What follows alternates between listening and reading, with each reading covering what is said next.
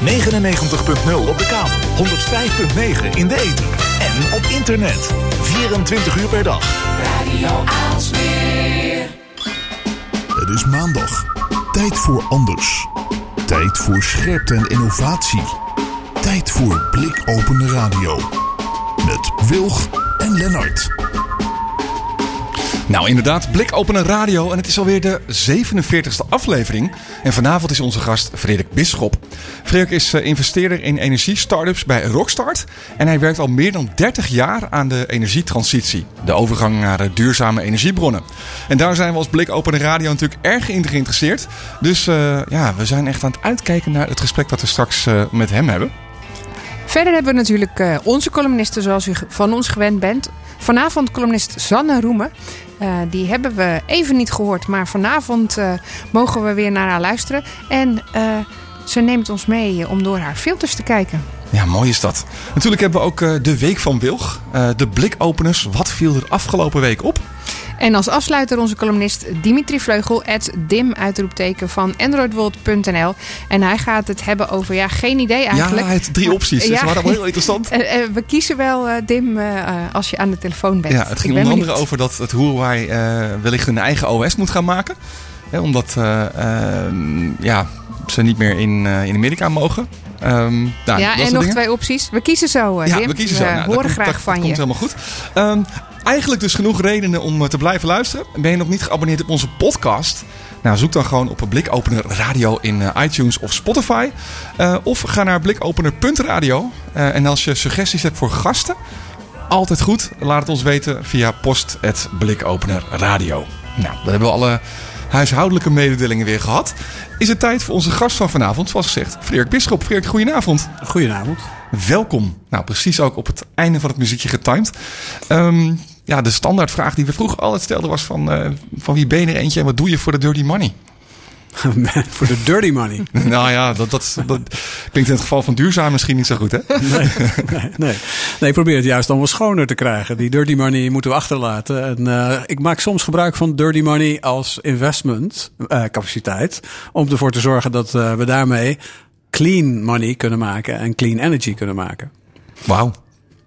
Maar Ja. dan weten we nog steeds niet wat je doet. Nee, ehm, nou, laat ik me dat dan eh, uitleggen. Ehm, ik werk bij Rockstart en dat is een organisatie die eh, in start-ups in hele vroege fase investeert om ze sneller eh, klaar te krijgen of om snel te groeien. En ook aantrekkelijk te zijn voor allerlei investeerders. En ik heb daar het energiedomein onder me. En dat betekent dat ik elk jaar tien start-ups uit heel Europa, soms wel, zelfs van daarbuiten, selecteer. Eh, waar wij in investeren. Eh, ze we bieden ze dan een half jaar onderdak en een heel intensief begeleidingsprogramma aan. Waarbij ze toegang krijgen tot eh, experts, maar ook tot marktpartijen, tot klanten en vooral ook tot investeerders. En in ruil daarvoor verwerven wij een klein aandeel in elk van die bedrijven. Dus we zijn daarmee ook zelf een investeerder en aandeelhouder in al die start-ups. Dus we zijn eh, eh, voortdurend bezig om onze portfolio van energie-startups, maar ook op andere thema's, maar ik doe dan energie, eh, steeds uit te breiden en eh, daarmee een familie van clean energy bedrijven om ons heen te verzamelen en die snel naar de markt te brengen, snel te laten groeien en daar de goede investeringspartners bij te vinden. Nou, wauw. Dus jullie zijn meer dan, zeg maar, wat je uitlegt, een, een normale investeerder die puur alleen maar, zeg maar geld investeert en dan eh, hoopt dat het bedrijf veel groter wordt en eh, daar uiteindelijk de vruchten van plukt. Ja. Ehm, jullie doen veel meer aan begeleiding. Ik kan me ook voorstellen dat als je zo'n zo'n eh, groep hebt van, je zegt tien bedrijven hebt dat je onder je hoede hebt, dat dat ook wel kruisbestuiving kan geven dan. Ja, dat gebeurt in de praktijk. Um, een van de mooie dingen die, uh, die we extra kunnen doen, is uh, die tien bedrijven bij elkaar brengen in één, letterlijk in één ruimte, waar ze met dezelfde soort uitdagingen bezig zijn. Of het dan ja. gaat om geld ophalen of, of je product uh, klaarmaken voor, voor de markt of een, of een folder in elkaar zetten. Um, en, al, en tegelijkertijd ook iets gezamenlijks hebben van het energieveld wat hen interesseert, de energiemarkt. Daardoor gaan ze elkaar ook helpen. En, en is ook de hele houding van: goh, waar, waar zit je mee? Kan ik je ergens mee helpen? Ja. Um, en dat leidt inderdaad tot kruisbestuivingen. En, en het zijn misschien allemaal nog kleine bedrijven natuurlijk in het begin. Dus als die bij elkaar zijn, zitten, hebben ze ook het gevoel van dat ze wat onderdeel van een grote geheel zijn. Of? Exact. Het zijn vaak maar twee founders met een eh, twee mensen in dienst eh, die, die aan het beginnen zijn. En die, die verlaten het pand met eh, tien of meer mensen. Hè, dus ze, ze groeien wel. ze- maar ondertussen eh, hebben ze veel meer het gevoel het onderdeel te zijn van een eh, groter geheel. En eh, daarmee alle kennis en, eh, en ook de, nou ja, de, de sfeer eh, van eh dagelijks eh, eh, mensen om je heen eh, veel Ja. beter kunnen voelen. Ja, Ja, want je zei ook al, eh, hè, eh, familie, de, de, rock, de Rockstart familie. Dus dat dus iedereen die geweest is, iedereen die komt en iedereen die bij elkaar zit eh, op, die, op die locatie. En misschien ook wel andere mensen die, bij, die jullie betrekken. Voelt het, voelt het voor jou zelf ook als, als die familie? Is, is dat ook iets wa- waardoor je er meer betrokken bij bent? Ja, ehm, ik, het mocht ook een beetje persoonlijk worden, hè, Ja. had ik begrepen. Dus ehm, ik, ik weet niet helemaal zeker of ik hier goed aan doe. Maar eh, ik heb mezelf eh, al een bijnaam verworven. Ze noemen me vaak Daddy Cool. Oh ja. Ehm, eh, misschien ook een tip voor de, voor de muzieklijn eh, later in het programma. Maar eh, ik, ik, ben gemiddeld wat ouder dan, dan de deelnemers. Die, die zijn toch nog meer aan het begin. En daarmee ontstaat echt een, inderdaad een familieband van broeders en zusters en, en, en studenten onder elkaar soms. Ehm, ik doe daar zoveel mogelijk aan mee, zonder mijn gezondheid echt in gevaar te brengen. Ehm, maar wordt ja, toch ook wel een beetje de, de father figure van, van veel van die start-ups. Eh, dus eh, een arm eromheen of, of een kritische noot. Eh, maar ook inderdaad allemaal uit liefde. Tough love soms, maar eh, goed bedoeld. Eh, om te zorgen dat ze de weg vinden eh, en geen stomme fouten maken. En als ze stomme fouten maken, dat ze het snel te horen krijgen. Dat ze maar het gevoel hebben dat, ze, Ja. hè, dat dat in een veilige omgeving zit. Dus ja, het, het heeft iets van familiaals op die manier, ja. Ja. Ja. Ja, want dat fouten maken is natuurlijk iets wat bij zo'n start-up, eh, start-up hoort.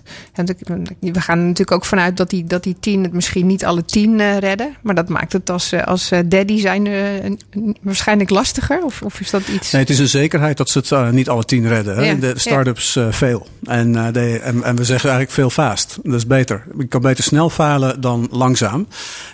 Die pleister moet je er snel aftrekken. Want als je snel faalt, kan je ook snel weer opklabberen, kla- krabbelen.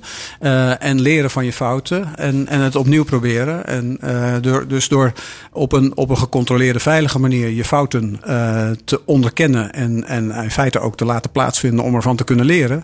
Is een van de essentiële dingen die we de start-ups leren. Hm. Heb je daar zelf ook ervaring mee? Met vallen en opstaan. Nou ja, goed. Heb, heb je zelf een start-up gedaan? Ik ben je door zelf- het proces geweest? Ja, ik ben, ik ben helaas eh, in de tijd dat start-up als woord nog nou, niet echt gebruikt werd. Vrees ik. eh, ben ik een eigen energiebedrijf begonnen. Eh, Oh, wauw. en dat, dat was in de tijd dat er nog geen andere energiebedrijven waren dan de Nuons en de Eneco's Ja? van deze wereld. We hadden nog geen Green Choice, we hadden nog geen andere namen.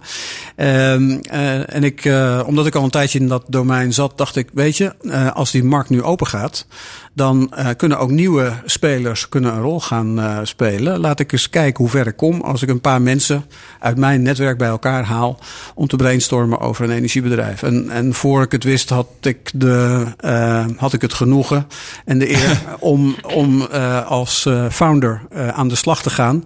Mijn welk- werk aan de kant te gooien. praten Ja, we praten over 2000. Ja. 2000 al? Oh, ja, wauw. 20 jaar En toen terug. ging die markt open voor het Toen eerst. ging de markt voor het eerst open, ja. Mocht je voor het eerst kiezen als consument van wie je groene elektriciteit wilde kopen. Dus als je al klant was bij Nuon, Ja? dan mocht je op dat moment kiezen om dat bij een ander te gaan halen. Ehm, en ja, eh, om die keuzevrijheid te vergroten, eh, besloot ik met een aantal mensen een energiebedrijf. Dat heette Echte Energie. Dat, we wilden gewoon net als met eh, echte boter en wat heb je, de puurheid Ja. de puurheid en de, en de herkomst van je stroom inzichtelijk maken. En daarmee mensen een echte keuze te bieden voor iets waar ze in geloofden. En eh, gelukkig hadden we Greenpeace aan onze zijde op dat moment. Dus die waren zo vriendelijk om ook hun leden op te roepen eh, dat we serieus in overweging te nemen. En daarmee had ik een eh, eerste cliëntele van 5000 eh, energieklanten. En, en is het wat geworden met, met die echte energie? Het is, ehm, het is wel wat geworden. Ehm, het werd minder groot en ging minder snel dan ik dacht. Ik maakte ook alle fouten die ik nu probeer te voorkomen bij anderen. Ehm, ik heb het, eh, maar ik heb het wel goed gedaan in de zin dat ik het bedrijf winstgevend maakte en dat ik het heb kunnen verkopen. Dus ik heb wel de hele reis gemaakt van eh, de tekentafel. eh, het starten van de onderneming, het groeien ervan, het winst maken en uiteindelijk een koper vinden die het bedrijf over wilde nemen. En ik heb het verkocht omdat ik merkte dat het ehm, niet de groeipotentie had die ik nodig had om echt een grotere organisatie te kunnen bouwen en alles erin kwijt te kunnen wat ik wilde. Het was toch een beetje een two-man show. En uh, daar, kan je, daar kan je prima een, een leuke business mee doen. Maar ja, ja uh, op een gegeven moment dacht ik. Uh, grote ambities. Groot is ook mooi. Ja. En ik wilde dat inderdaad wat groter aanpakken. Dus kon ik het bedrijf verkopen uiteindelijk. En met dat geld heb ik mezelf weer ingekocht in een ander bedrijf. Dus zo. Hmm. Maar dat is, dat is 20 jaar geleden. Hè? Dus toen was je bezig met groene stroom. Is er nou in die 20 jaar op die markt heel veel veranderd? Want jij ziet natuurlijk nu heel veel uh, start-ups met ideeën over uh, energie en andere manieren van dat uh, aan de man brengen. Ja, er is verschrikkelijk veel veranderd. De essentie is natuurlijk hetzelfde. Je hebt nog steeds die draadjes door de muur lopen waar de stroom doorheen komt. Dus in die zin, wat merk je daar nou van? Um, maar uh, het, het, we, we, we, lieten een wereld achter ons waarin uh, er niks te kiezen viel. En nu kun je inderdaad op elke straathoek, elke website, uh, kan je uh, op een andere energieleverancier vinden. En vinden we dat heel normaal. Ja. En uh, kun je daarmee ook shoppen en ofwel de goedkoopste en, of ja, de, precies, of de ja. alle, alle verpakkingen en kleurtjes eh, zijn inmiddels beschikbaar. Dus dat is, dat is een enorme verandering voor een onzichtbaar product. Ja. ja, dat is nogal onzichtbaar inderdaad. Als je daarover nadenkt. Nou ja, daarom, daarom vind ik het ook interessant. Want ik vraag me af of hè, als je thuis alleen maar kijkt naar wat er uit je muur komt, heb je misschien helemaal niet door wat er in die twintig jaar veranderd is. Want het, is net nieuw. Dus dat vind ik, hè, terwijl ik nu bij wijze van spreken als aanbieding van mijn energieleveranciers eh, ook de vraag krijg of ik niet in wat windmolentjes wil investeren. Want dan Ja. ben ik zelf ook mede-eigenaar Ja, van. je- eh, nou, dat is natuurlijk ook een enorm verschil met 20 jaar geleden. Eh, ik denk dat ook het hele idee van een klimaatverandering net wat minder doorgedrongen was eh, dan, eh, dan het nu eh, is. Ja. Eh, we hadden nog geen bosbranden in, eh, in Australië op dat niveau. Dus ook de hele eh, ja, de lading van het product is natuurlijk enorm veranderd. Eh, met name de laatste tijd. Ja. Heb, heb je eh, eh, zicht op zeg maar, percentages en hoeveel het verschoven is? Hoeveel meer groene stroom er nu is dan in 2020 of 2000 vergeleken met nu? Nou, er is nog altijd veel te weinig. Eh, in, in Nederland doen we ons uiterste best om, om maar een beetje in de buurt van eh 25% uit te komen eind dit jaar. En dat is hangen en wurgen en importeren. Toen ik voor het terwijl, eerst... eigenlijk, hè, sorry dat je onderbreekt, maar terwijl eigenlijk de- denk ik de perceptie van veel mensen is. Dat hebben hartstikke veel van die windmolens staan en we hebben best wel veel zonnepanelen en zo. Dus ik denk dat in de perceptie het wel zo is dat mensen denken van nou, dat doen we hartstikke goed als Nederland. Ja. Maar als je naar cijfers kijkt, dan staan bungelen we ergens niet helemaal bovenaan. Ja, ik geloof dat we Letland nog wel voor achter ons laten. Maar dan, dan, noem je heb je het in. Europa wel wel gehad. Ja. Dat is toch Ja. bizar? Hoe kan dat?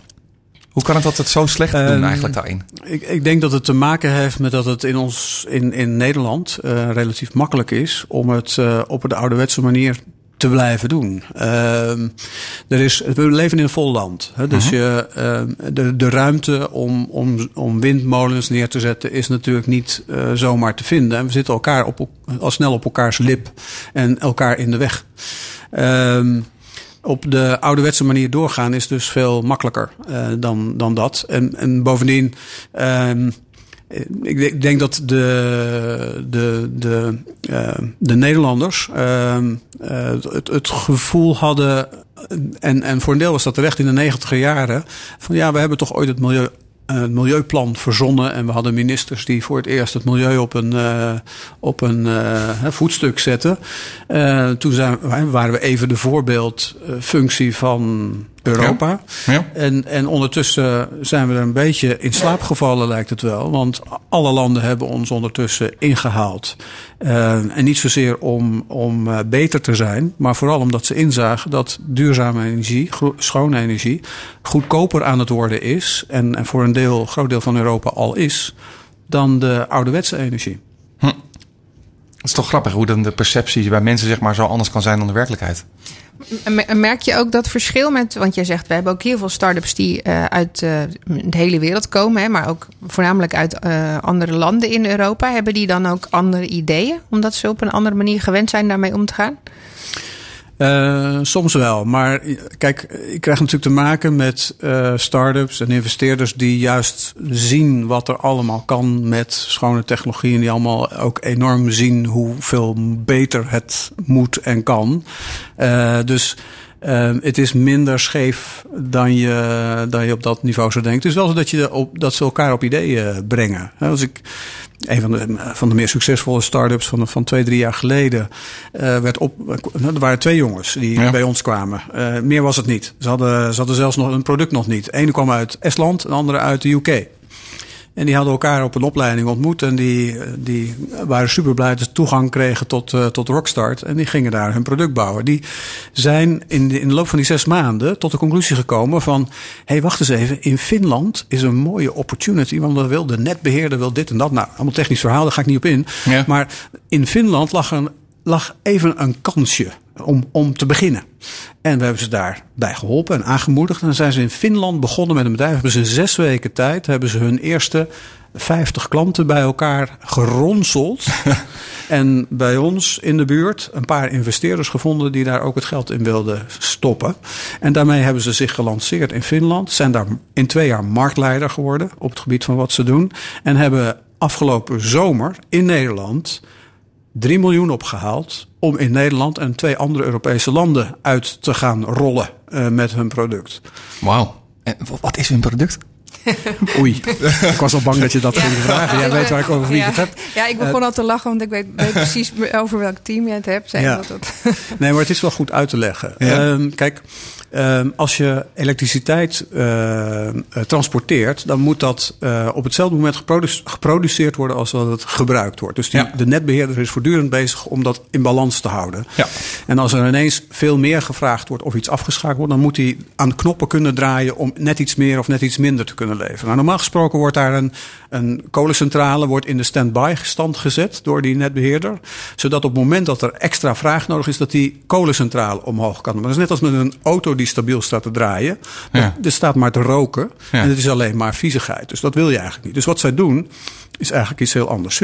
Dat bedrijf gaat naar, ehm, naar industrieën toe, eh, zoals eh, bijvoorbeeld koelhuizen. En zegt tegen die koelhuizen, luister eens, als die koelinstallatie nou even een half uurtje afgeschakeld mag worden. Hè, de- de- er zit zoveel kou in dat, in dat hele koelhuis. Dat blijft nog wel even goed. Ja. Als het- vind je dat goed als wij daar hè, zo nu en dan even die knop eh, mogen uitzetten? Want dan.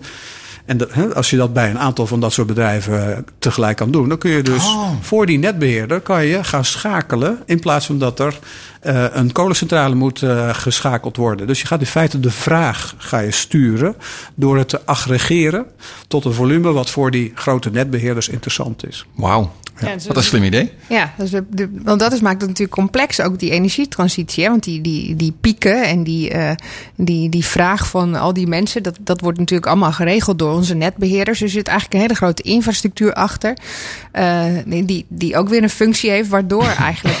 Eh, al die nieuwe vormen van energie, dat maakt het best lastig op dat geheel van het, van het grid Ja, en, de, klopt. en de energiebeheerders. Het maakt het lastig, maar, maar het- goede nieuws is ook weer dat er. Hè, je kunt al een heleboel doen door slimmigheid. En dus met, met snelle eh, eh, rekencapaciteit te schakelen kun je al een hoop doen.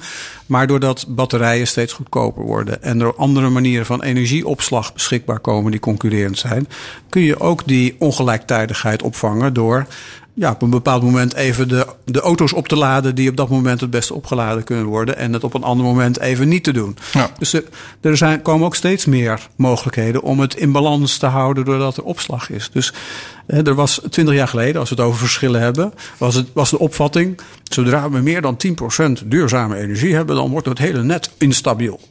Dat, dat, dat riepen dan de ingenieurs eh, van achter de knoppen. Ja. En inmiddels eh, ligt die grens bij 50% dat ze beginnen te piepen. Nou, boven de 50% moeten we echt niet komen. Eh, Als je, als je een beetje kijkt naar wat de, hè, de analisten eh, daarvan vinden, die daarop studeren, zeggen nou, boven de 80% wordt het wel wat lastiger. Maar Ja. dus 80% van de energie kunnen we gewoon prima uitbalanceren. Door dikkere kabels te leggen, door opslag te maken en door slimme aansturing. Zoals dat voorbeeld van die Finse eh, start-up. Hm. ja. Nou, super inspirerend lijkt me om mee te werken. Eh, en je, we gaven in de introductie al aan dat je al eh, meer dan 30 jaar werkt aan die eh, energietransitie. Waar komt die passie vandaan? Ik ben er een beetje ingerold. En Ja? ehm, nou, weet je, ik, ik, ik, ehm, het, zoals veel mensen denk ik wel, als ze eerlijk zijn, eh, verzeilde ik in een studie waarvan ik me halverwege begon af te vragen. Eh, hoezo? Ik ging natuurkunde studeren. Want wat wilde je worden vroeger? Nou, ik wilde uitvinder worden. Ja. Eh, dus op zich Mooi. ligt dan... Hè, eh, natuurkunde ligt wel een beetje in het verlengde daarvan. Er zijn, eh, er zijn goede voorbeelden. Dus ehm, ik deed natuurkunde, maar ik merkte hoe theoretisch dat was. Hoe zwaar dat was en hoe slecht het bij mijn natuur paste... om gewoon iets te maken, iets te doen en iets te scheppen. Eh, dus ik had moeite al om mijn studie af te krijgen. En ik liep tegen het eind van de studie ook op mijn laatste benen... van ik zou het afkrijgen. Een professor tegen het lijf, die zei... Goh joh, ehm, bij mij in Amsterdam op het instituut... eh, eh, heb ik een eh, promotiebaan eh, voor je. Ik zeg, ja, maar ik ben gewoon een lousy student. Ik haal net die, die zesjes, dus waarom zou ik dat doen? Nou, dat weet ik ook niet, maar het gaat over zonne-energie. En, en volgens mij eh, vind je het belangrijk om, om te snappen waar je het voor doet. En ik zeg, nou ja, dat, dat klopt, ja. Dus ik heb een week nagedacht en met mensen gepraat. En kwam tot de conclusie van inderdaad, als iemand... Hè, als ik nou met, die, met, met vijf, zes jaar hard knokken om die, om die natuurkunde mijn eigen te maken... het toe kan passen om zonne-energie goedkoper en efficiënter te maken... dan heb ik, het, heb ik toch wat rendement eh, gemaakt op die investering. Ja. Om maar even in dezelfde termen te houden. Ja. Dus ehm, zo, zo liet ik mij verleiden om, om zelfs een, een promotie eh, te gaan doen, dus een PhD eh, te halen, dus een proefschrift te schrijven op het gebied van eh, hoe kun je zonnecellen beter maken. In samenwerking met de Nederlandse industrie die toen nog bestond op dat vlak. Zodat ze voor dezelfde prijs meer stroom gaan leveren. Eh, en dit, ja, toen was zonne-energie echt nog een exotische eh, oplossing. Eh, maar ik vond het wel een, een nuttige exercitie om in plaats van 10% rendement uit zonnecellen 15% rendement te gaan maken.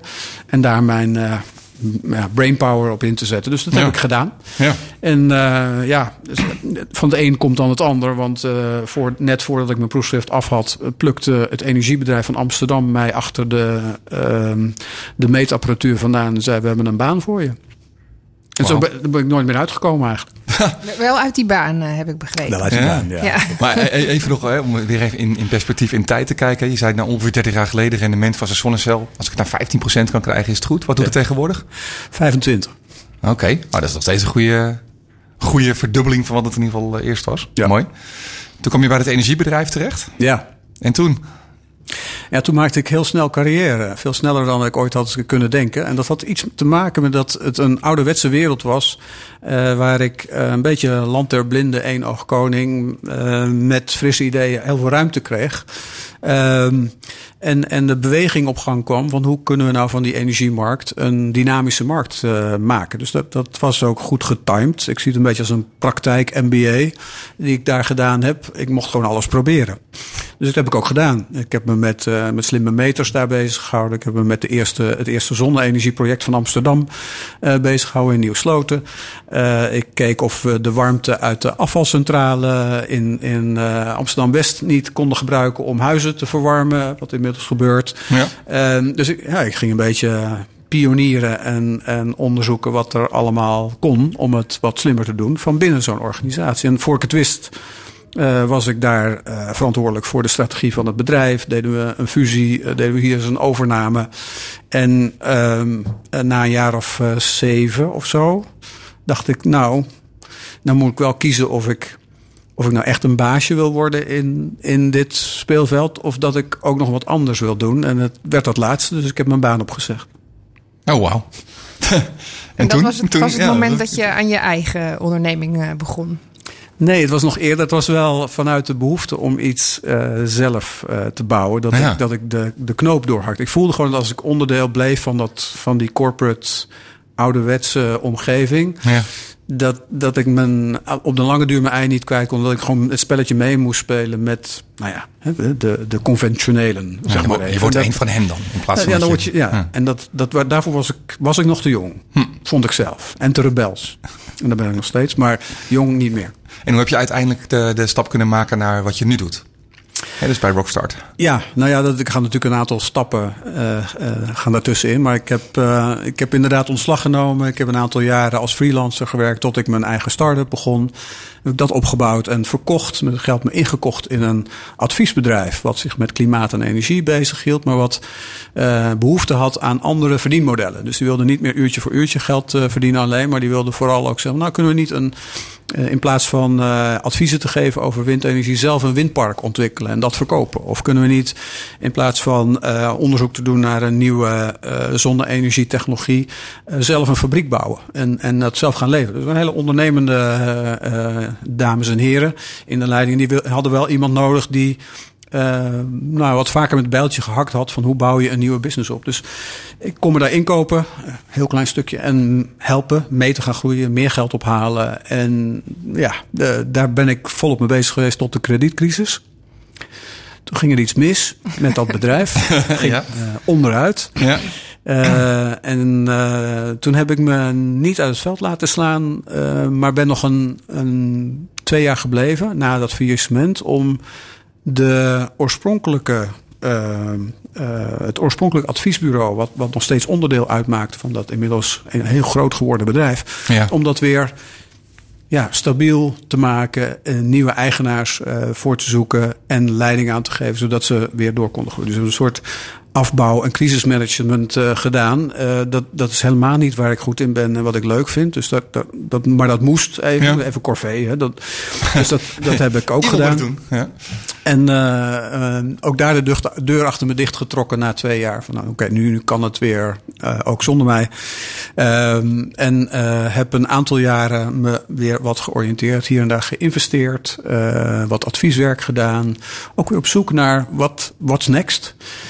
Raakte vrij snel betrokken bij een investeringsfonds. wat in de regio Amsterdam in klimaat- en energieprojecten investeert. daar mocht ik het investment committee gaan voorzitten. en ik werd mentor bij Rockstart. Omdat dat wat kon betekenen voor start-ups. En uh, het jaar erop vroegen ze van, nou, mentor, doe je, doe je leuk, maar kan je niet ook wat investeren? Ik kan een klein beetje investeren. En het jaar erop zeiden ze, nou ja, goed, dat heb je ook goed, goed gedaan. en degene die er de leiding had, die ging iets anders doen. Dus kun je niet dat hele energieprogramma onder je hoede nemen. En nou, de rest is history. Droombaan lijkt me. Ja, super. Ja, dit Toch? is echt. Als ik het zo hoor, de afgelopen uur ja, wat we gepraat nee, hebben, is het uh, op je lijf geschreven, man. Ja, ja. Nee, het is, het is ook te leuk. Um, iedere dag weer uh, ga ik toch met een grote smile uh, naar mijn werk. Om, uh, omdat ik het zo heerlijk vind om met ambitieuze mensen te werken. Die echt iets willen en die gewoon alleen maar honger hebben naar. Um, hoe kan ik het beter doen? Hoe kan ik het anders doen? help me mijn problemen oplossen. Ken je iemand? En, en als je dan ja, 30 jaar ervaring en netwerk mee kan nemen, is het zo makkelijk ook om dat te doen. En zo leuk. Want ik ja. verbind me ook weer met mensen die ik tien jaar niet gezien heb. Bel ik iemand op. Zeg, joh, vind je het leuk om eens met een start-up? Want die zitten hier en daar mee.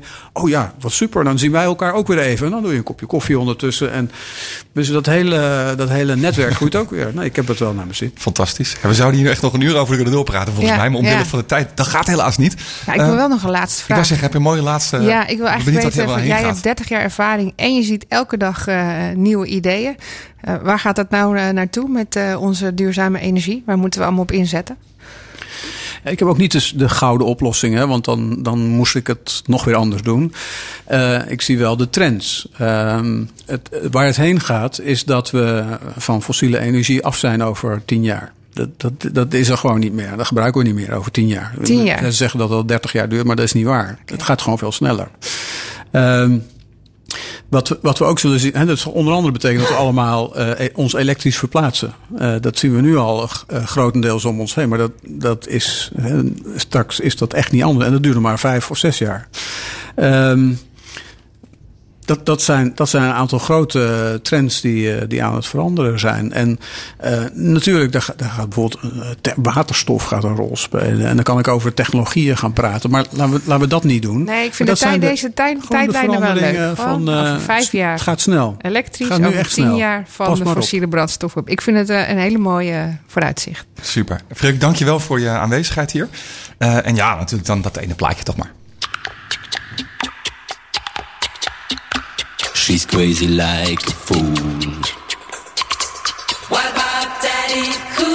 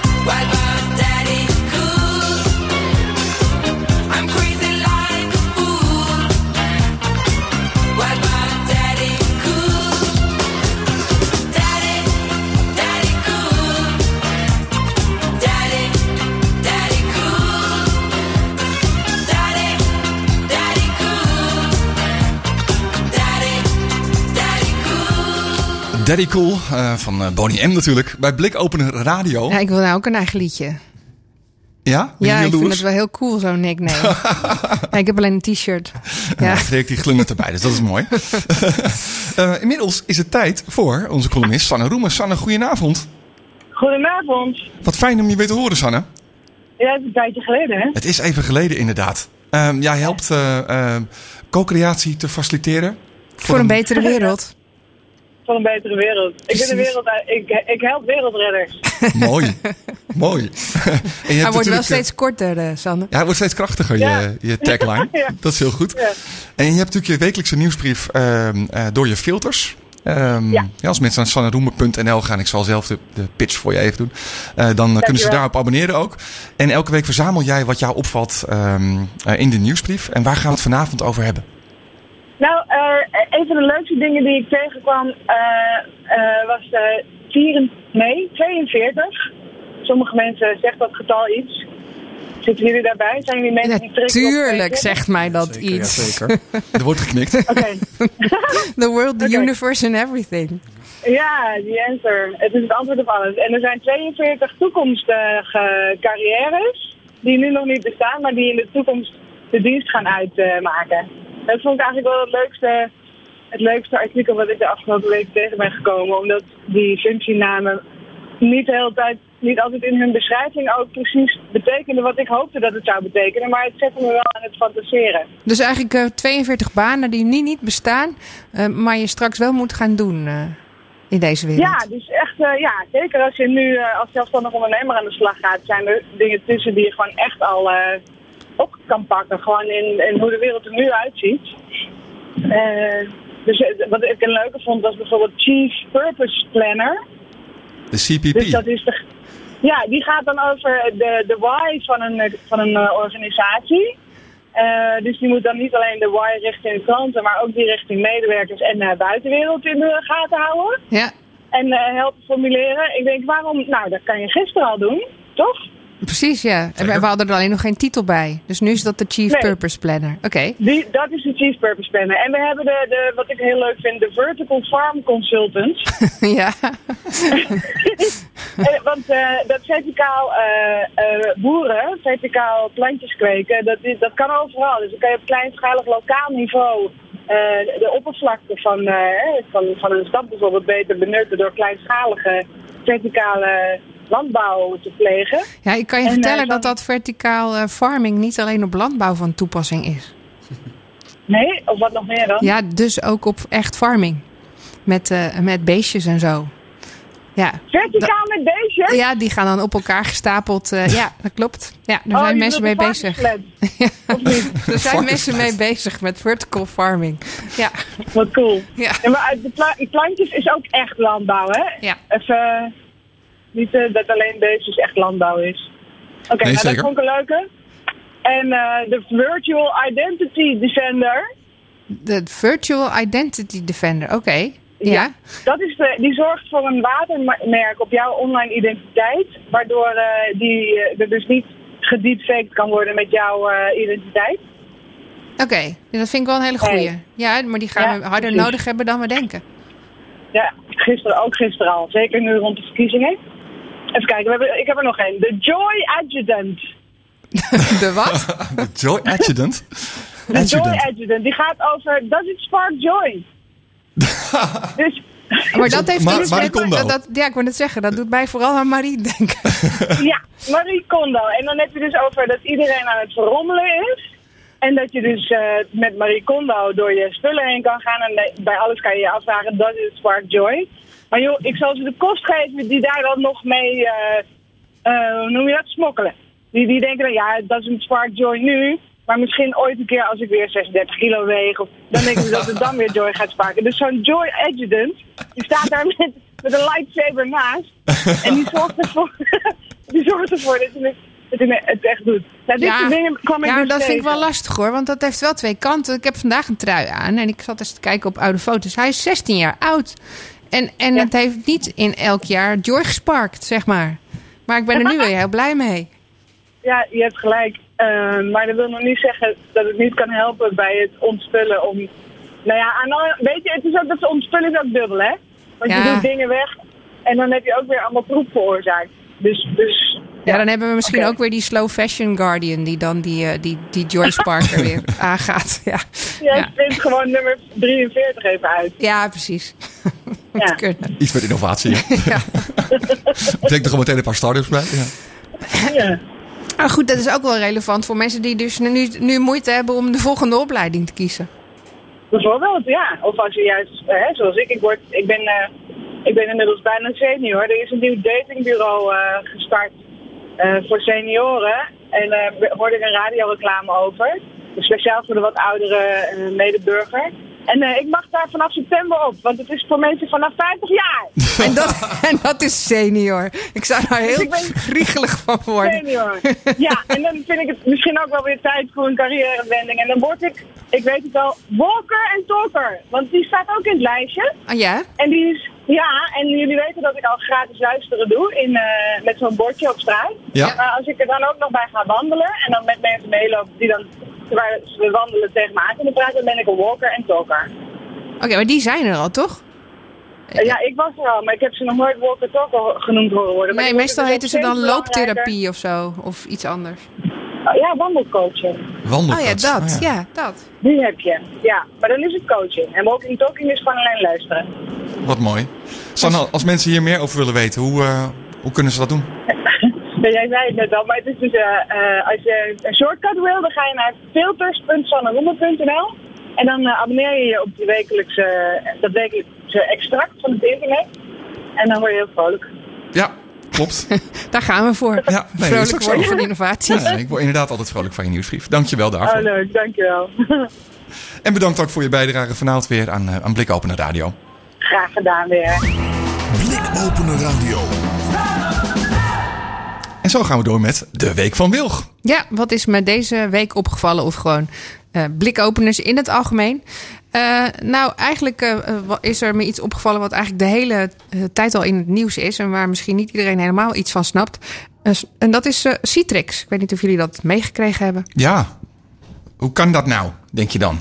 Ja, eh, wat is dat nou? En, Eerst even eh, uitleggen wat het is misschien. Ja, en, en, en waarom doet iedereen daar zo ingewikkeld over? Ik, ik geloof dat er files vandaag eh, aan. er waren heel veel files en dat werd daaraan verweten eigenlijk. Dat er minder mensen gingen thuiswerken en daarom er nu extra files op straat waren. Want Citrix is, even voor alle duidelijkheid, software waarmee je eh, zeg maar, op afstand kan werken. Dus Ja, dat is werken. eigenlijk, eigenlijk waarom mensen denken: waar hebben ze het nou over? Ja, Ja. Citrix is eigenlijk een, een bedrijf en die zegt: als jij nou als eh, al heel lang. een belangrijke organisatie wil dat jouw mensen eh, makkelijk op afstand met elkaar kunnen werken, nou, dan zorgen wij dat jouw systemen makkelijk beschikbaar worden. Dus dan zetten wij het of op onze eigen servers, of we zorgen dat jouw servers makkelijk toegankelijk worden op afstand. Eigenlijk doen ze gewoon het, eh, je toetsenbord en je muis en, en je beeldscherm. Dat ver- verlengen ze als het ware naar je thuiscomputer. Ja, zoiets. soort virtuele. Ja. En, dan, en noemen ze ook nog lekker cloud. Dan hebben we Precies. allerlei woorden Alle in één hip. keer gehad. Dus hartstikke hip. Ja. Ja. dat doen ze al heel lang. Eh, en en eh, vooral bedrijven die extra goed beveiligd willen worden. Want dat is natuurlijk zodra jij jouw spullen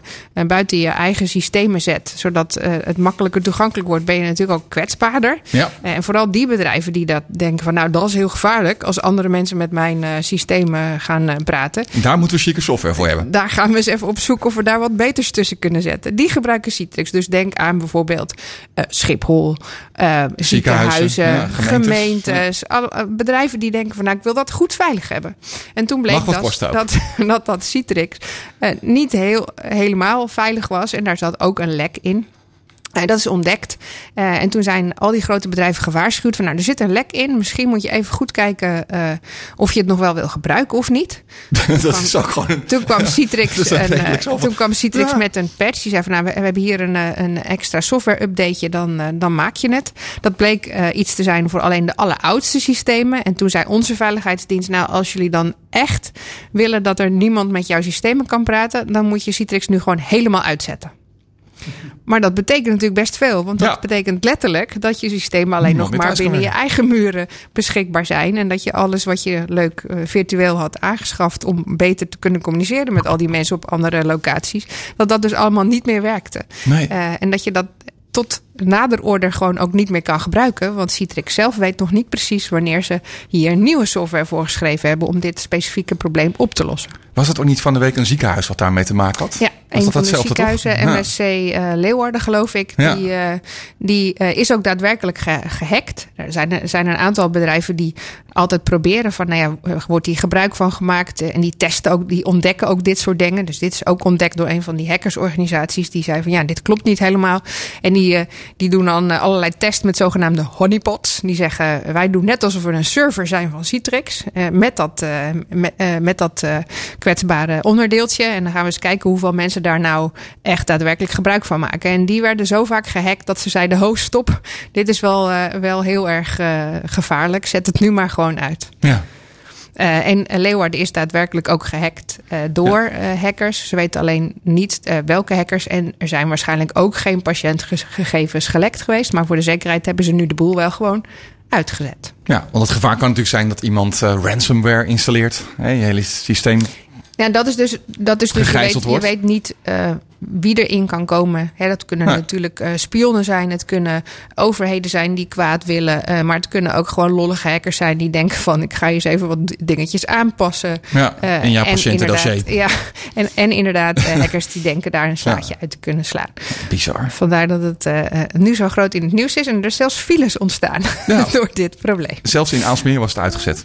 Is dat ik. zo? In Ja. Alsmeer ook uitgezet. Nou, daar Ja. ben ik wel blij om.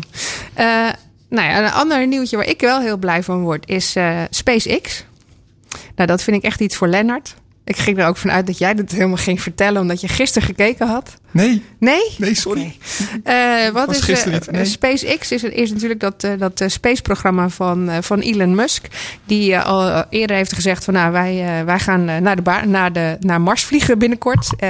En ze hebben al getest met raketten die dus niet alleen heen, maar ook terug kunnen vliegen. Dus ze Ja. hebben reusable rockets. eh, wat in eh, zover als sustainability in de, in de raketwereld heel goed is. Want die dingen kosten een paar miljoen. Als je daar dan ook weer nog een keer van gebruik kan maken, lijkt me dat heel goed. Ehm, en eh, zij hebben eigenlijk bedacht van, nou weet je wat, hoe kunnen we dat, dat nou echt waarmaken, dat naar Mars vliegen? Dan moeten we misschien eerst eh, wat andere tests gaan doen en heen en weer gaan vliegen om te kijken of dat echt kan. En misschien kunnen we dat ook wel vast met een businessmodel doen. Dus wat hebben ze gezegd? Eh, nou, eh, NASA, er is maar één eh, eh, bedrijf wat naar ISS vliegt. En dat is op dit moment een Russisch bedrijf. Dus in principe zijn het alleen de Russen die astronauten naar de ISS brengen. En zij hebben gezegd: als jullie nou een contract met ons tekenen, dan kunnen wij jullie heen en weer naar ISS vliegen. Alle astronauten die willen. Wij zijn een stuk goedkoper, want wij gebruiken die raketten gewoon nog een keer. Ja. Eh, en nog plus, een keer. En nog ja, een en keer. nog een keer. Ja. Plus wij kunnen dan testen en straks ook eventueel naar Mars. En een van die dingen die zij daar eh, moesten testen was. ehm, is er ook daadwerkelijk een, eh, een veiligheidssysteem? En kunnen die astronauten, als er echt iets gebeurt, ook ontsnappen uit die, uit die, eh, die pot die dan bovenop die raket zit? Eh, dus wat ze hebben gedaan is eh, die raket van ze laten ontploffen en gekeken of er dan ook veilige landing kan. Het is gewoon een eh, soort met, eh, crash test dat je met een auto doet. het was een soort crashtest. Hij zou eerst op zaterdag plaatsvinden, maar toen was het weer heel slecht. Dus ze hebben hem een dag uitgesteld. En nu hebben ze, nou ja, is die dus gefaald. Dus hij is dus succesvol gegaan omdat hij gefaald heeft. En ze konden ook eh, ontsnappen. Dus het is het, het, het ontsnappingssysteem wat ze getest hebben. En dat was eigenlijk een van de grootste, van de grootste hurdles. Eh, hoe noem je dat in het Nederlands? Hoorden, Ben ik niet zo goed mee. Ja, ja. En die ze moesten, nog, moesten, moesten nemen. En nu is het eigenlijk een kwestie van maanden. Totdat ze echt heen en weer kunnen gaan vliegen naar de ISS. Eh, En NASA die vindt het zelfs oké om na te denken over commerciële vluchten. Dus voor een paar miljoen kan je misschien ook een keertje naar het Space Station heen en weer vliegen. Nou, Binnenkort. echt niet meer Over weet een paar maanden. Ja. Eh, en als laatste had ik nog eh, een leuke, die eh, was eigenlijk speciaal voor Freerk. Eh, want ja, eh, we willen natuurlijk schonere energie. Ik, ik rij al elektrisch, maar dat kan ook op andere manieren. Ik ben eh, een paar maanden geleden ook bij eh, Toyota langs geweest in Nederland. En die zeggen, ja, elektrisch, ik weet het niet zo goed. Misschien wordt het wel waterstof. Nou, die discussie gaan we niet aan. Maar eh U2 heeft besloten om veel meer... ja, eh, sustainability toe te voegen al aan een concert. Want ze zeiden, concerten zijn eigenlijk zo ongelooflijk slecht voor het milieu. Laten we daar nou eens wat aan doen. En ze zijn begonnen met eh, eh, vegetarisch eten, backstage, geen bordjes en, en vorken meer te gebruiken die je eenmalig kan, kan gebruiken. Echt daarop inzetten. En ehm, vorige week is ook voor het eerst een concert gehouden, volledig op ehm, waterstofenergie. Dus ze hebben een, een volledig U2-concert gehouden waar geen eh, eh, energie van fossiele brandstoffen aan te pas kwam, maar een waterstofconcert. Maar ze haalden de, de, de- dat waren dan niet echt batterijen, want waterstof is natuurlijk eh, op een andere manier. En er was ook nog niet een slangetje gelegd. Maar eh, omdat ze toch al samenwerkten met de Toyota, hadden ze vier waterstofauto's geplaatst achter het concert, zodat iedereen kon zien dat het zo werkte. Eh, en werd het volledige concert gefueld door die waterstofauto's. Nou Mooi. ja, ik vond het vooral zeggen, mooi. dat is... eh, Ja, Nou ja, Radiohead deed het anders. Die blies gewoon al zijn concerten af. Die, die gaan nu gewoon niet meer toeren omdat het zo milieuvervuilend het is. is ook niet meer met het vliegtuig. Nee, Dat kan, dat kan natuurlijk nog ook. extremer. Dat is Ja. nog extremer, ja. Want dan ga je dan met... eh, carrièrewijziging. Dus misschien gaat Daar U2 wordt wel het meeste geld eh, verdiend natuurlijk. Ja, want, want dat Ja. is wel leuk. Want dat, Japan, dat, dat concert is dan natuurlijk uiteraard, uiteraard wel waar de Toyota-fabriek staat in Japan. Daar moesten ze natuurlijk wel met z'n allen heen vliegen. Mhm. Ja. Dus de vraag is dan weer... Maar goed, het is wel eh, grappig, eh, goed om te zien dat dat dan toch weer... ehm, de mensen bezighoudt en daardoor meer awareness krijgt. Dat je ook op andere manieren eh, met energie kan omgaan. En bij zo'n concert vind ik dat, ja, vind ik dat super gaaf om te zien. Mooi.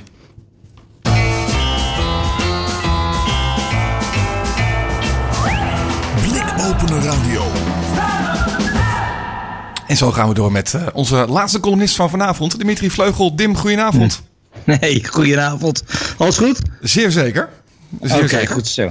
Hey, ehm, eh, ik, ik, had, ik had wat suggesties gegeven, maar ik wil eerst even reageren op wat er gezegd is in de uitzending. Mag dat? Van mij dat vind wel. ik altijd leuk. Ja, weet je, ik, ik, ik heb waarschijnlijk toch niet genoeg tijd. Dus eh, ten eerste... Dus kan er nog meer af. Nee, maar luister eens, ik ben elke week de pineut. Ik krijg altijd de restjes. Nee, een geintje. Ehm, die, eh, die meneer die, die in de uitzending zat, ik, ik kreeg onwijs... eh, Zit, Freer, Katie. Ja, sorry. Ja, ik heb... Als nou, nou, hey jongen, alles goed? Ja, prima. Ja, nou weet je, ik krijg heel veel energie van jou, pun intended. Ehm, eh, maar ik luisterde toevallig vanmiddag een, een podcast die ik even voor moest luisteren van iemand die ging over jaloezie. En ik kreeg dat, en dat je jaloezie kan hebben tegenover iemand die zo lekker vertelt over wat hij allemaal gedaan heeft. En dat kreeg ik bij jou. Ik denk van, ah, daar ben ik wel jaloers op, weet je wel. Ja, dan doe ik dit, toen ben ik daar gevraagd en zo gevraagd. Dat vond ik echt heel gaaf om te horen. En dat geeft me ook wel energie om nog beter mijn best te doen om een, eh, om een grote jongen te worden in, eh, in de industrie waar ik eh, actief ben. Dus eh da dankjewel voor de inspiratie. Maar over jonge, jonge, jongen gezegd, Sanne zegt net van datingbureau voor ouderen en 50 jaar. En, en dit jaar moet ik er ook aan geloven. En ik vind het echt wel vreselijk hoor. Want ik besefte me eigenlijk van de week dat ik nu niet meer de toekomst ben. En dat vond ik heel erg. Oh, Dat ja. heb je zelf in de hand. Ja, dat ligt zeggen. er. Maar we worden ook ouder, eh, Dim. Dus misschien ben je pas op de helft. Of nog niet Nou, ik- eens. Nee, maar voor, ik weet niet hoe, je, hoe oud jullie allemaal zijn in de studio, maar dat boeit ook niet zo. Maar ik heb nu opeens dat ik het gevoel van, ja, maar ik ben de toekomst niet meer. Ik word straks het blok aan het been van al die mensen ehm, waar, die, waarvan ik nu vind dat ze een blok aan het been zijn. Snap je dat? Ja, dat Nou, snap ik. Ja. Maar, Nou maar daarom heb je ook die test gedaan, of niet? Daarom heb ik ook die test gedaan, want ik merk steeds vaker dat ik dingen vergeet. Ik, er is bijvoorbeeld één eh, televisieshow die ik heel graag kijk, maar waar ik nooit op de naam kan komen. Elke keer weer. Ik heb nu opgezocht. De Graham Norton Show. Elke keer zeg ik van, zullen we die show kijken? Ja, welke dan? Ja, die ene van die Engelsman die zo leuk is. De Graham Norton Show. Ik vergeet heel veel dingen. En ik, ik wou eigenlijk aan jullie vragen, hebben jullie dat ook? En zeg in godsnaam ja, want ik heb de dementietest gedaan en ik scoorde toch... Nou, ik heb geen dementie, maar ik, dan vraag ik me weer af, is die test wel goed? Ik, regelmatig, eh, Dim. Voor, Ja. Ik heb besloten, eh, ergens toen ik heel jong was, dat dat gewoon is hoe mijn brein werkt. Die onthoudt houdt de meest nutteloze dingen. eh, maar vooral geen afkortingen en namen, wel weer gezichten. Dus dat is, dat is weet je, daar heb ik gewoon mee leren leven. Ik ben al Oh, vergeten is- wat je vroeg eigenlijk. Nou ja, ik weet, ik weet jouw naam ook al helemaal niet meer. Die nou net wat tegen me zei. Ik weet het niet meer. Dat is, is dat, heb jij dat nou ook? Omdat je zo druk bent en veel verschillende dingen doet. Dat je misschien je hersenen zeggen van... Nou ja, dit is, vind ik niet zo belangrijk hoor. Dat google ik wel. Dat je, dat, je, dat je hoofd alleen belangrijke dingen onthoudt. Ja, en, en alles wat er nieuw inkomt, dat, dat, dat, maakt, dat is iets wat weer een plaats inneemt van iets wat er vroeger in zat. En je blijkbaar dus niet meer zo belangrijk vond. En dan wordt het gewoon overschreven. Ja, maar zou je hersenen nou ook... Kijk, die evolueren mee. Dus denken van... Nou, Dimitri die, die kan dat wel op een andere manier uitvinden. Dus dat, dat sla ik even niet op. Maar dat moet, ik, moet hij wel onthouden. Dus dat sla ik wel op. Zou, zou, dat, zou dat echt zo werken? Daar ben ik naar benieuwd naar. Dat is toch ook een van de. ehm, eh, ik heb het niet gelezen, moet ik zeggen, maar ik heb er wel veel over gehoord. Over bijvoorbeeld het grip, hè, dat boek van Dick Pastoor. Een Ja. van de dingen daarin is toch ook van als je eh, alles maar in lijstjes zet. Hè, en ik heb vrienden die Ja. dat doen. Ehm, Ja. hè, dus de meest simpele, basale dingen gewoon. Zet het op papier, zet het in een lijstje, want dan is het uit je hoofd en heb je ruimte vrij voor andere dingen. Dat, dat is wel een hele goede tip die ik mezelf ook elke keer Ik voorneem. weet niet of het zo is maar, dat is wat. eh, ik hem weer. Dus dan eh, gebeurt het weer niet. Nou ja, goed. Ehm Ivan, nou, dat, dat, dat vroeg ik me dus allemaal af na hetgeen wat er allemaal in de uitzending gezegd was. Ja. Dus ja, ik heb weer geluisterd. Dus ik was die ene luisteraar. Heel goed. Ehm, ja, ik, ik had, en, en aansluit hierop, ik had dus een heel tof onderwerp. Ja, drie toffe echt- onderwerpen zie ik hier. Jawel, maar ik had nog een toffere. eh, De, de tofste, is dat een werkwoord? En, en, maar die ben ik dus vergeten. Dus ik, had, ik heb drie suggesties gegeven waar ik iets over wilde zeggen. Maar jullie hebben niet gezegd welke jullie wilden hebben. Nou ja, ik denk dat, eh, dat we het natuurlijk gewoon moeten houden bij het thema van, van onze gast. Dat is dan de laatste. ja. Ja, mijn, mijn, mijn vraag is: is moderne mobiliteit de redding van transport en het milieu? En zou men door het legaliseren van elektrische voertuigen en, en de stepjes en dergelijke eerder de auto laten staan en voor het OV kiezen of eh, een, parkeerplaats aan de rand van de stad opzoeken? Wat, wat, wat vinden jullie daarvan? Nou, over stepjes moet je bij mij niet echt beginnen, denk ik. Eh, dus maar, maar, maar hoe bedoel je legaliseren? Juist van dat soort nieuwe dingen. Ja, nou ja, goed. eh, Als je nu zegt van oké, ehm, ik werk in eh, Amsterdam, alleen eh, tussen de, het station en mijn kantoor is eigenlijk 20 minuten lopen, dat is eigenlijk te ver. Dus ik koop zo'n stepje eh, en dat, die neem ik mee in de trein. En het laatste stukje kan ik dan vier keer zo snel afleggen dat ik er maar, dat ik er maar zeven minuten over doe. Maar dat is niet legaal. Waardoor je zou kunnen zeggen, ja, dan neem ik toch maar de auto. Snap je? En dat heeft, er zijn heel veel van dat soort voertuigen. Ik denk dat als we dat legaliseren op een goede manier, eh, dat we echt wel minder auto's op de weg krijgen. Nou, ik denk dat je gewoon in Parijs kan gaan kijken, want daar gebeurt dat. Ehm, in Parijs eh, komen steeds minder auto's op de openbare weg. Eh, voor een Ja. deel wordt dat afgedwongen, maar een deel wordt dat ook, ontstaat dat spontaan. Doordat je inderdaad van die leenstepjes hebt en andere elektrische mobiliteitsvormen. dus ik Ja. denk, eh, ik denk het wel, eh, Dim. Ja, maar ik, ja, nou. ik, ik heb daar zo'n nuance op. Dus ik, ik, ik geloof best dat dat heel veel verandert. Ik heb zelf bijvoorbeeld een elektrische fiets gekocht. Omdat ik dan in 40 minuten in plaats van een uur en 10 minuten naar kantoor kan fietsen. In plaats, Mhm. dus mijn optie openbaar vervoer is ook 40 minuten, maar de auto is een stuk sneller. Ehm, Mhm. Alleen die stepjes, ja, dat vind ik altijd heel bijzonder. Want we fietsen gewoon in, in Nederland en dat gaat eigenlijk net zo snel. En dan vind- doen we een uitvinding die wel energie nodig heeft. Ja. Terwijl we ook Maar is- hadden kunnen fietsen. Maar ook een maar- opslag biedt om eh, de energie te balanceren. Dus het heeft, eh, het heeft ook ja, allerlei voordelen om die dat- dingen aan het net te hebben. Dat valt nu wel nog eens een tegen. heb, je, heb je wel eens een fiets mee in de trein genomen? Eh, nee, omdat ik hem natuurlijk nu heen en weer eh, helemaal fiets. Nee. Dus voor, voor mij is het zo- in Amsterdam sowieso wel. een andere, een andere ervaring. Maar En, en om, om af te sluiten, hè, ik heb nog twee minuten. Om af te sluiten, hè, ik heb sinds kort een elektrische auto. Ja. Echt super tof. Daar ben ik zo blij mee. Ik heb een, eh, een Renault Zoe, eh, de, de meest luxe. Dus piep, pap, poep, alles erop en eraan. Hij praat tegen me, hij kapt mijn haren, alles. Eh, maar ik, ik, sinds ik dat ding heb, ik heb nog nooit zoveel mensen die tegen mij tekeer gaan over dat elektrische auto's helemaal niet goed zijn voor het milieu. En ik heb dat aan andere mensen gevraagd die sinds kort een elektrische auto hebben. Die hebben dat ook. Er is een soort hele antipathie toch tegenover elektrisch rijden. En mijn vraag is, herkennen jullie dat en, en waar komt dat toch vandaan? zeker. Ik wel in ieder geval. Ja, en ik, ik denk dat ik ook weet hoe het komt. Het is. ehm, ehm, als je, als je, je wordt eigenlijk, ehm, als je nog steeds een elektrisch, als je nog steeds een ouderwetse auto rijdt, eh, Ja. word je op je op je punt gezet. En, en krijg eigenlijk, als iemand dan vertelt hoe blij die is met elektrisch, dan, dan hoor je eigenlijk van: oh, ik ben een. Ik ben een uh, achterlijke Vervuiler. uh, hè, vervuiler. Ja. En, en, en de enige manier om je daar tegen te zetten is om gewoon meteen de aanval te kiezen. Zeg, ja, maar het is, het is ook helemaal niet goed. Dat- Ik, heb- ik heb wel eens gelezen dat zo'n ding eigenlijk nog veel vervuilender is. Het is gewoon een, Exact. gewoon een afweermechanisme. Ja, en dat Dit- gelezen hebben, dat klopt dan ook. Want er is, eh, behalve dat het bewezen is in met fossiele brandstoffen, er gaat geloof ik 21 miljard om in de lobby eh, tegen sustainable brandstoffen. En zo gaat er in de automobielindustrie ook eh, een aantal miljoenen in de lobby eh, om eh, eh, elektrisch rijden eh, eh, wat, wat minder snel te af laten te remmen. gaan. Ja. Ja, ze hebben Ja, veel ik, auto's in zo, ik hoopte zo dat jullie dit zouden zeggen. Want dat is ook precies mijn analyse. Want het, het meeste komt ervoor. Ik heb op Facebook gelezen. Het is altijd wat ze op Facebook gelezen hebben. Dat, dat, dat het helemaal niet goed is. Maar goed, ik, ik ben blij dat ik niet de enige ben die dat soort eh, eh, weerstand eh, ontmoet. En dat ik gewoon vol blijf houden en lekker elektrisch blijf eh, rijden. Geef je ze ook de mogelijkheid om een stukje met jouw auto te rijden? Gewoon even, om te proberen?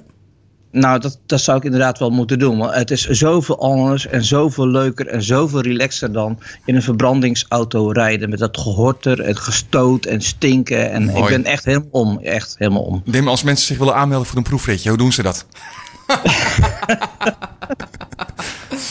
Ed, Dim, heel erg. Ed Dim op Twitter, Ed Dim underscore NL. En anders google je me maar. hartstikke mooi. Hey Dim, dankjewel voor je bijdrage.